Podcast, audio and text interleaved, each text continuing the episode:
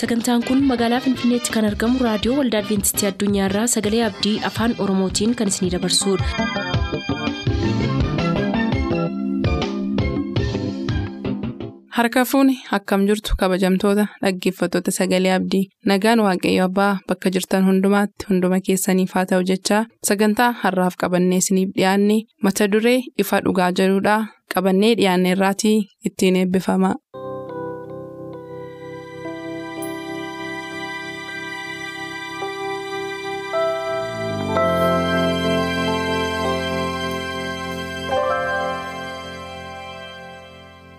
Ifa dhugaa.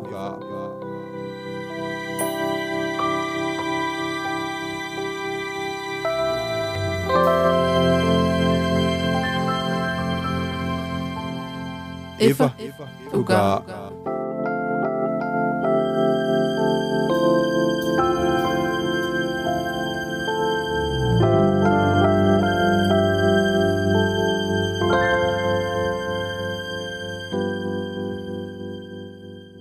Akkam jirtu jaallatamuuf kabajamoo dhaggeeffattoota sagalee abdii. Nagaan waaqaa bakkuma jirtan maratti isiniif baay'atu. Kun qophii ifa dhugaati. Torbanitti yeroo tokko kan isiniif qabannee dhiyaannu. Qophiin keenya har'aa kutaama ka torban darbee kan wajjin hariiroo qabu. Yoseef hangafa Gibxii ka jedhudha. Waa'ee sanaatti utuu hin darbiniin fuula dura qorannoo keenya kutaa kudha lammaffaa kana utuu ittiin seeniin. Waaqayyoo hafuura isaatiin akka nu eebbisuu fi obboleessa keenya zalaaleen giddumaa wajjin kadhannaa isinis bakkuma jirtanitti nu wajjin ta'a. si galateeffanna abbaa keenya waan nu gargaarteef ammallee carraa qaboota warra dhugaa keewwata waan nu gooteef galanni siif haa ta'u. yeroo kana immoo ammas sagalee keessa dhugaa qo'achuudhaaf jenna hafuura kee qulqulluu gidduu keenyatti argame unu warra qo'atus warra qo'achiisu keessaan ta'uudhaan. Ergaa sirrii ta'e lubbuu dhaggeeffatuu fi hundumti keenya fudhannee ittiin jiraachuu akka dandeenyu uffate nu gargaari maqaa gooftaa yesuusiin. galatoom zalaalim baay'ee fayyaa ta'ii turtii yeroo dheeraa nu wajjin fudhattee keessattuu nuusa kana keessatti qooddataa guddaa taate keessatti hirmaachaa jirta har'i kutaa kudha lammaffaa egaa qorannoon keenya waa'ee yoosef biyya gibsiitti hangafa ta'uu isaati. Adeemsa inni keessa darbaa ture torban isa garasiis ilaallee turre. As keessatti immoo xiqqummaarraa gara guddummaatti gaddeebi'uurraa gara ol kaafamuutti adeemsa yoseef keessa darbee arginaa heertuu yaadannoo isaa uumama boqonnaa afurtamii tokkodha utuu haasofnu macaafa seera uumamaa boqonnaa afurtamii tokko kaaneeti kanarra qayyabannu. Boqonnaa 41 lakkoofsa 41 irratti mootiin gibxii ammoo yoseefiin kunoo ani guutummaa biyya gibxii irratti aboosiif kenneera jedheedha. Akkuma egaa yeroo darbe kaastee ati bal'inaan waa'ee isaa kaastee turte yoseefitu gara aboo kanarra ga'u hin gahin dura gatii garbaatti gurguramuu fi akka hojjetaa hojjechiifataa yookiin mootii hin taane garbicha ta'etu ture. al tokko tokko adeemsi jiruuf jireenyaa gaddeebi'uu irraatu ol kaafamuun jalqabaa. Yeroo hundumaayyuu immoo jireenya kiristaanaa keessatti gadi bu'uu irraatu gara ol ka'uutti adeemu malee guddaarraan jalqabanii. Kanaaf yoseef xiqqummaa ammarraa kaasee abjuusaa irraa kaasee adeemsi inni adeemaa ture fagoo taatus wanti inni keessa darbee dhufee qormaata guguddaadha. Egaa biyya gibsiitti ergaa gurgurame booda. mana mooticha pootifaaritti kennamee ture mana mootii pootifaarii immoo sababa haati manaasaa hawwii hin barbaachifne keessa seenteenii yoseef immoo hawwa ishee kana waan isheef guutuu didee fi attamittan waaqayyoonis namas yakkuu danda'a hojii jibbisiisaa akkasiin hojjedhu murtii cimaa akkasii kana gaafa fudhatu. Dabaan. Adabameetu mana adabaa keessa seenee achii booda immoo mana adabaatii immoo waaqayyo karaa ajaa'ibaa dandeettii abjuu hiikuu inni qabuun gara mana mootiitti waamamee torbeeti yaada kana kaastee turte eenyutu bara beelaa dhufu kanaaf hiikaa abjuu keetii kanatti deebii kennuu danda'a yennaan namoonni nama guddaa akkasii argachuu hin dandeenyu nama furri waaqayyoo keessa bule kanaaf innumti abjuu kana hiikee dhimma kana irratti hojjetu jedhaniitu gaa Yoosefiin gara aangootti fidanii jechuudha abjuu fara'oon sana hiikuusaa sana booda Yoosef haala kanaan gara aangootti dhufeetu abbaa aangoo biyya Gibsii ta'ee achii booda immoo karan beekamneen iyyuu. Obboloota isaaf iyyuu waaqayyo furmaata isa godhe mee yaaduma kanaa wajjin wal qabsiisiitii atis akkamitti akka inni obboloota isaa wajjin wal arge adeemsa Yoosef keessa darbe sitti dabaltee dubbachuu dandeessa. Gaariidha sirriidha. Akkuma malaalaatti jiru seenaa Yoosefidha kan nuti isa darbe ilaallee ammas dabalatan nu dhufeera. Carraa dabalataati kuni. Yoosefiin maaltu akka isa mudachaa jiru? Keessumatti nama ajaa'iba waa'een waaqayyo yeroo takka takka yaadnu. Garba fuudheetu mootii godha yoo barbaade jechuudha. Mootii immoo garba godha. Amma Naabukadnezaarii yoo ilaallu gaafa inni waaqayyo irratti ka'e of guddise wanta yaadamne waaqayyo hojjete waan sammuu namaa yaaduu hin dandeenye. Of guddisuu irraan kan ka'e waggaa torba kan bineensa ta'ee caakkaa ta'ee marga kan dheedu isa taasise jechuudha. Yoseefis immoo nama garba ta'ee garba biyya Gibxii keessatti nama hojjetu kana kabaja mootummaa yookaan immoo kabaja ol'aantummaa tokko sadarkaa guddaa tokko irra isa geesse jechuudha. Kun maa inni waaqayyo gaafa dhimma sitti qaba ta'e gaafa xiyyeeffannoo isaa keessa jirta ta'e karoora inni qabu akeeka inni qabu fiixaan baasuudhaaf wanti isa daangessu tokkoyyuu hin jiru jechuudha. Haalonni isaan daangessanii wanti kamiyyuu isaan daangessu haa ta'u garuu seenaa Yoosefiin kan nuti ilaallu iddoo kanatti abjuu hiikuurraatiin gara mootii ta'utti gaafa inni dhufu bara quufaa sana keessatti. Nyaanni walitti qabame sun haa jiraatu malee otoo hin jaalatiin abjuun obboloota isaatti waa'ee bisii sanaa dubbatee hamma yeroo kana yeroo inni raawwatutti ni argina jechuudha. Innis maa inni obboloota isaa gara arguutti dhufe jechaadha. Waggoota hedduudhaaf isa gurgurame du'ee jedhamee waa'een isaa katabamee boo'ichiyyuu taa'ee abbaan isaas garaa guutate kanatu har'a mootii ta'ee maatii isaa warra gurgure saree yoo inni sooru argina jechaadha. Kanaaf waaqayyo. Diinni keenya nu balleessuudhaaf gaafa inni tarkaanfii hedduu nurratti fudhachuudhaaf karaa namaa fayyadamee wanta hedduu raawwatu deebisee immoo isaanuma irratti nuti kan mootii taanullee amma nu gochuu danda'utti kan ga'u waan kanarraatii hubachuu ni dandeenya jechuudha. Obboloota isaa gaafa argutti beelli biyya hundumaatti bu'ee beelli sababa biyya hundumaatti bu'eedhaa fi nyaanni immoo bakkeen inni jiru biyya Gibsii kana keessa iddoo walitti kuufame sana keessadha. Bakka sana jira nyaanni jedhame jennaan nyaata barbaacha dhaqanii obboloota isaanii isa gurguran arganii jechuudha. Suni maa inni achi keessatti wanti nuti arginu yoo amma gara galii isaatti keessa dubbifnee uf ceephaanii deebisanii nama ajjeesan nama gurguran kana deebi'anii akka kanatti arguu akka kanatti hubachuun badiin isaanii hammam guddaa akka ta'e hubachuu isaanii argaa jechuudha. Innaa sana keessatti obboloota isaa sana gaafa argee mootummaa irraa jiraatu malee baay'ee gaddisatti dhaga'amee hin boo'ee jedha. Yoseef humti inni gurguramee du'e jedhamu sun sana booddee. Wantoota hedduu akka isaan dhufanitti eegdota amantanii sana keessa jiranitti ajaja laatee akka isaan seeraan kabajan maal godhan taasise sana booda edda taasisee booddee isaan faana waliin baree edda wal baranii deebi'anii gara abbaa isaaniitti akka wanta hundumtuu isaaniif mijataa ta'e waan hundumaa seenaa kana mul'uu isaatti himanii Yoseef ta'us booda keessa isaaniis ni baranii baranii immoo badii dalagan sanattis itti gaafatamummaa isaanii fudhatanii gaabbuu keessallee bifa galuu danda'anitti. hamma kana keessanii galan obboloota isaa faana gaafa inni wal argee Yoseefii jechaadha. Kanaaf walumaa galatti xiyyeeffannaan seenaa kanarraa nuti hubannu maa inni waaqayyo iddoo gadiitii fuudhee iddoo guddaa si kaa'uu danda'aadha. Namoonni hedduun abdii kutachuu ni danda'u. Haalli koo rakkisaadha baay'een ulfaata waaqayyoon argu akkasiidha sanadha jechuurra waaqayyo dhimma nutti qaba taanaan iddoon inni nu geessinne hin jiru jechuudha. Haalli kamiyyuu isa daangeessuu akka hin dandeenye badiin kamiyyuu shirri kamiyyuu nurratti xaxame waaqayyo iddoo nuuf yaade nu geessuu akka hin danda'u. Seenaa Yoseef kanarraati wanta nuti hubannu kanumaa jechuudha. Diina kan nuti ta'ummoo gaafa nuti xiyyeeffannaa waaqayyoo keessa jirru fagootiin dhufu ollaama keessaa maatiima keessaatii kan diina nuti ta'u dhalachuu waan danda'uudhaaf rakkina nurratti uumamu waaqayyoon jaalanna taanaanii sirriitti obsaan keessa darbinee kaayyoo waaqayyo nuuf qabu sana fiixaan baasuu irratti yeroo hundumaa kadhachuun barbaachisaallee akka ta'e iddoo kanatti hubannee dabarra gabaabsine jechuudha. Galatoomii Zalaalem dhugaadhaa iddoon itti inni Yoseef bissiin keessan bissii kofutu gugguufuun argeedhe kan inni itti dhugaa ta'e iddoo kanattidha. Yoseef achi booda tapha adda addaa taphate obboloota isaa irratti akka nama afaan hin beekneetti akka nama ormaatti akka nama gibsii tokkotti waan isaan hin dhageenye fakkaatee diraamaa adda addaa isaan irratti hojjeteetu qoree isaan ilaale. obboloonni koo kun amalli isaanii jijjiirameera moo akkuma duriitti ka jedhu qulqulleessuu fi hojii adda addaa hojjetee achi keessaa akkuma tamma jettee gara abbaa isaaniitti midhaan bitanii yommuu deebi'anii jalqaba yeroo isaan naqanii isin basaastuudha dooya biyyoolessaa wayiirra warra hojjettaniidha hedheetu isaan qabee isaaniisise. Isaan baruuf. Achii booda kakatanii maatiin keenya akkasii abbaan keenya akkasii obboleessa akkasii qabna turree sammoo bara akkasii akkas gooneen immoo nama akkasiiti. Manatti nama manaata fedhanii waan meeqa dhugaa ba'anii erga jedhanii booda immoo dhaqaatii akkas godhaa jedhee ergee midhaan itti fe'ee erga midhaan isaaniitti yeroo fe'ee ergu immoo birrii isaanii midhaanii wajjin hodhisiiseetu midhaan safaranii fi qarshii irraan fuudhin birrii isaanii qarshii achi keessa deebisee fuudhanii galanii gaafa arganii abbaan isaanii egaa mana hidhaatti maatii koo fixuuf jirtu dafaatii harka fuudha geessaatii dhaqaa kadhadhaa jedhee deebisee galche jechuudha. Yeroo deebi'anii dhaqan ammas lammataa waa'ee Biniyaamiif obboleessa isaatii immoo yaadateetu Biniyaamiin obboleessa keenya xiqqaan manatti hafeedhanii turan.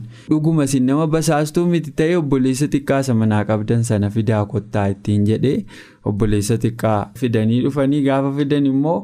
mi'a biiniyaamiif fe'ame keessa qodaa biraa keessa kaa'ee yoseef qormaata adda biraa keessa isaan gashee biiniyaam qabamee isa biratti akka hafu akka hidhamu godhe achi booda maatii isaa hundumaa gara sanatti akka fudhatuu fi adeemsa fagoo adeemsa maayilni soofistikeetidii ta'e baay'ee gadi fagoo keessa akka seenan godhe jechuudha mi'achi keessaa karaa inni biiniyaamiin hambise keessaa tokko xoofoo hoodaa.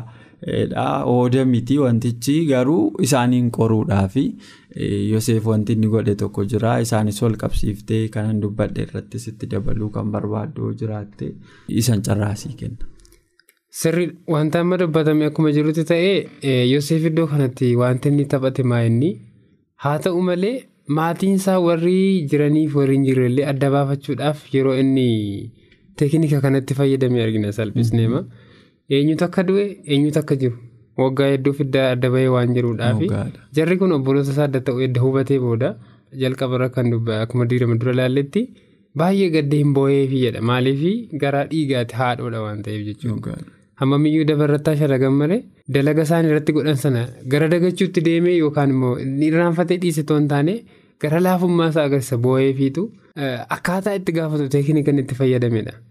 Eenyu faatu jira akkam taatan isin eessaa dhuftanii warra akkasii miti moo isin basaastota maal maal miti moo inni gaafatu haquma jiru isaa yeroo isaan odeessanii lafa kaa'anii obboleessaa sanii jaalatu biiniyaam kanallee akka isaan fidan taasisa jechuudha. Gaafa obboleessaa sun dhufu obboleessaa dhufe sana immoo wanta biraa keessa gaa'e xoofoo odaa sateettu kana oda jechuun waan tokko itti godhanii qabata wayiitiin deebisuusa jedhamu jechaadha. Gaafa keessa godhanii deebisanii. Baqqaayee akka kana hojjetes waan ta'eef jedhee manadhaa keessa akka gashuu tokko godhee ubbira tursuudha kan inni barbaade jechuudha. Walumaa galatti wanti nuti iddoo kanatti hubannu maa inni taatee ta'an kana keessatti miidhaan Yoseef irra ga'ee Yoseef irra miidhaa isa ga'uu sana waaqayyoo qixa kamiin jijjiiree namootuma warra inni gaafa abjuu abjoote sana hin amannu jedhee fudhachuu dide sana bifa kamiin akka inni indaganaa appilaayii godhee murteesse kan nuti arginu jechuudha. Isa sanatti mootii nuusaatis itti gugguufuu hin dandeenyu jedhan sana. Akkaataa kamitti waaqayyo kan gugguufisedha kan iddoo kanatti arginu jechuudha. Innaa waan waaqayyo nuuf akeekee fi karoora inni nuuf qabu nuttiin hojjechuuf amma fakkeenyaaf iddoo hedduutti baay'een keenyi rakkinoota hedduu odeessuu dandeenya. Hojii waaqayyo hojjechuu dhiisuu keessatti hin hojjennu nutoo kana qabna maal qabna dhuguma fedha nutti qaban wajjin hojjechuuf taanaan inni hojjeta. Seenota hedduu hubachuu hin dandeenya. Museen gaafa filame gaafa saba Israa'eliin gaggeessitanii bahe akkamittiin namni arraba koo giingeedhaanii maal godheen dubbachuu danda'a? Mootii dura akkamitti dhaabachuu danda'a? Gaafa inni jedhee sumaan hojjechuun fedha waan ta'eedhaaf mallattoo kana kana ilaalii deemii itti dubbadhu otuma inni rakkina odeessu raajiin akka musee waaqayyo faanaasee hin jiru mata duree keenya tochi miti garuu wal fakkeessee dubbachuu barbaadeetanii malee jechaadha kanaaf Yoseef mootii gochuu waan barbaadeef waaqayyo. Haalli kamiyyuu osoo hin daangessiin sadarkaa du'aatti gaafa deemu obboleessaa waaqayyoo garaasaa rukutee akka inni hin duune boolla keessa bu'uun boolla keessa bu'an keessaa maaf hin gurguruu yaada akkasii kana. Maa inni kun hojii hafuura qulqulluuti jecha? Achi keessaa hoba'ee bakka sanatti karaa seexanni ammas karaa haadha manaa mootii sana gaafatti deeme iddoo sanattis injifannoo argate. Injifannoo gaafa hin argatamu immoo karaa biraa akka inni ba'u taasise. Achii bahee mootee kan taasisu taasise jechuudha. Walumaa galatti bifa kanaatiin waaqayyo yeroo inni nama gargaaru nama wajjiniin hojjechuu barbaadu nama irraatii yaada qabu nama isaaf amanamu rakkoo nama miyyoo isa mudate bifa kamiin gargaaree gara ifaatti baasuu kan danda'u? Waaqayyo karaa salphaa seenaa Yoseef irraa kana barannee dabarraa jechuudha. Hedduu galatoomi. Zalaalem dhugaadhaa karaan inni Biiniyaamiin of biratti hambisee karaa ajaa'ibaati. Obboleessi isaa waan hidhame fakkeessee yakka hojjetee hidhame fakkeesseetu xoofoo hoodan ittiin arguu hattanii deemtanii hidhee qabsiisee biratti deebisee sanammoo yoo laaltu cubbuu waaqayyoo wanti inni hiikoo kennu jira waaqayyoo cubbuu dhokataa obboloota isaatii sana akka argaa ture. Ittiin itti himuuf jecha Yoseefi diraamaa kana hojjeteedha. Qorannoon keenya dhuguma yakka akkamiis yoo hojjenne waaqayyo dhugaadha. In erga jireenya keessatti gara dhumaatti hamma qormaata kan hundumaa ergaa qoramanii booda Yoseefiif obboloonni isaa kun wal baruu tirreera. Gaafa isaan afaan ofii isaaniitiin dubbatan Yoseef nun dhaga'u jedhanii yakka isaanii isa duraa sababii nu obboleessa keenya kana gooneef sababii nu abbaa keenya irratti akka kana hojjenneef kana kanaafi. Waaqayyo nu adabaayiraa jedhanii yeroo isaan yaada akkasii kaasanii yoseefii gidduu gidduutti gaddeetu isaan dhokatee boo'a turedha qorannoon keenya kun uumaa boqonnaa 45 yoo laaltu hin boo'a ture dhokseedha. Maaliif hin dhaga'an afaan isaanii sana? Inni isaan garuu inni nama nu beeku miti jedhaniitu wanta akka isaanii cubbuu isaanii firii ta'anii dubbachaa turanii sana booda ani yoseefi jedhee isaanitti himeedha. Yeroo ani yoseefi jedhee itti himee. Tootaalii diraamaan ta'aa ture hundi isaan jijjiirame jechuudhaan boo'icha qabachuu dadhabanii hundumtuu yakka isaatiif gaabbeetu boo'edha. amanuu gaafa dadhabanii karaan ittiin sammuu isaanii fayyisuuf yaaletu baay'ee na dhiba miidhamaan isa ture garuu isintu na miidhee as na fidee hin jenne waaqayyootu iddoo kana na fidee rakkoo maatii kootti dhufu kana furuuf jecha akkan bara rakkinaa sana sin sooruufitu waaqayyoo as na fideedhe. Utuu ana ta'ee garuu isintu na gurguree balaa akkasii miidhaa akkasii narraan ga'ee akkas na godhee ennaa. Sun immoo karaatti Yoseef hariiroo maatii isaatii wajjin gargar cabe obboloota isaa wajjin gargar cabe sana fayyifate akka ta'etu argina. Kun arras jireenya keenya keessatti gorsaa gaariidhanuu fi daballee wal miidhuurra wal fayyisuu shaakaluun baay'ee gaarii akka ta'e argina. Waan itti dabaltu yoo qabaatte carraansii kenna. Sirriidha. Iddoo kanatti ammallee wanti nuti argaa jirru seenaa Yoseef hubannu keessatti Yoseef egaa diraamota kana fakkaatan hundumaa adda hojjetee gara xumuraatti adda dhufee ufan beeksisa kan jedhu murtoorra ga'ee jechuudha. Uf beeksisuu jechuun isaan immoo qaxxuma akkamitti wallaalan obboleessa isaanii miti jechuun ni danda'ama. Haalonni adda addaa namoota jijjiiruu hin danda'u. Duratti ijoollee yoo ta'e gaafa guddatu maal maaltu akkasirratti mul'atu hin argine waggaa hedduu isaan irraa adda bahee waan jiruudhaaf hin amanne. Darbee immoo kan isaan yaadan hin du'een badeetti malee. Jiraatee akka kana ta'ee mootii ta'eetu bifa kanaan nu taasisaa sammuu isaanii keessa jiru. Gatii garbaatti gurgurtee mootii ta'a itti eeggachuun gowwummaadha kaa'atamitti mootii ta'a. Garbi mootii taa'edhanis yaada isaayyuu hin qabani ta'ees hin beeku. Kuni kan danda'amu waaqayyo qofaafidha. Akkuma saaraan waggoota hedduu keessaa ilma argatte saayinsii nuti beeknuu fi inni waaqayyo hojjetu adda adda waan ta'eedhaaf jechuudha. Kanaaf garbi mootii ta'ee akka kanatti nu qora isaanitti fakkaanne garuu booda keessa gaafa of beeksisu. Baay'ee magaraa ho'ee fi akka inni bu'uuf jaalala guddaa kan isaaniif qabu immoo akkuma dubbatte dhoksaa dhoksaatti bu'aa inni ture. Afaan isaanii inni dhaga'u. Afaan isaanii kan dhageenyatti roonni taphachaa ture. Wanti isaan jedhanii walii walii isaaniitti odeessan dhaga'ee gaafa saraasu deemee akka inni bu'uufaa bifa kanaatiin ni argina. Isaaniin arguutiin bakka isaanii ni baree edda baree booddee abbaan isaaniillee akka jirutti himanii deebi'anii isaanis boo'icha gadda addaa keessa galanii bara kanaaf akkuma waaqayyo isaan kaa'ettis. Rakkina akka kanaaf isaan furuu akka ni danda'u. Dhugumayyuu abjuunni kanaan dura abjoote immoo akkaataa kanatti fiixaan ba'umsaa gaafa isaan hubatan iddoo kanatti ni argina jechuudha. Walumaa galatti wanti nuti iddoo kanatti jala murree barree darbuu dandeenyu seenaa kam keessatti iyyuu wanti nuti ilaallu wanta nurratti raawwatuuf ta'u keessatti waaqayyo nu gargaaruudhaaf duubatti akka hin deebine. Haalli kamiyyuu isa daangessu akka hin dandeenye wanta nu gochuu danda'u. Fakkeenyaaf girmaa'in iddoo akkasii ga'a iddoo kanaa ga'a jedhee waaqayyo karoorsee qaba taanaan. Rakkina sirratti boba'u dhimma isaa mitisaaf karaa kamiiniyyuu iddoo sanis geessuu akka inni danda'u jala murree beekuutu nu barbaachisaa jechuudha. Yoseef mootii ta'uu qaba jedhee waaqayyo akkuma kaa'e karaa bisiitti dubbate bisiisaa kukkufe hin mataa isin agarsiise godheetu jechaadha. namni kamiyyuu haa amanu haa dhiisus haa fudhatus haa dhiisus kanaaf bifa kanaan waaqayyoo haala rakkisaa haala dadhabsiisaa namni nama miidhuu keessatti namni amma nama balleessuu ga'u keessatti waaqayyoo immoo nama gargaaru akka inni danda'u bifa kanaatiin hubannee rakkoo kam keessa yoo kan teenyu dhaggeeffattoonni keenya yoo jiraanne jechuudha. Rakkoo akkam nama mudatu keessa yoo teenye waaqayyo keessa na dabarsuu danda'a jennee amannee amanannaa keenya itti fufna taanaan wanti waaqayyo nuuf hin goone hin jiru akka hin jirretti beeknee jala murree fudhachuun barbaachisaa akka ta'e hin hubadhasuma irratti. Galatoomii Zalaalem dhugaadhaa barumsa keessaa baratanii fixuun hin danda'amne seenaarraa baratanii waraabanii fixuun hin danda'amnedha. Seenaan kun egaa jireenyi Yoseef jalqabumarraa kaasee qormaatarraa hamma guddummaatti karaan inni adeeme karaa waaqayyo isa guddisee dhaloota maatiifis barumsa guddaa kenna inni abdii qabna.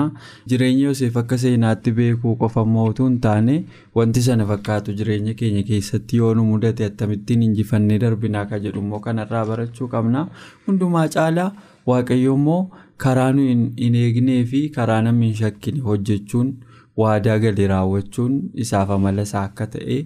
Amanuu danda'uu qabna. Kanaaf dhaggeeffatoota keenyaa barnoota har'a walii wajjiniin qorachaa turreen hedduu eebbifamtaniittu edheen abdii guddaa qaba. Kan na wajjin ture zalaalem giddumaati.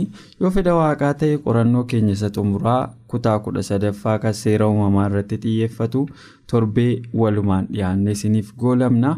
Hagasitti ayyaana waaqayyoo keessa tura. Qophii keenya har'aatiin akka eebbifamtaan abdachaa yeroo xumurru beellamni keessan nu waliin haa ta'u.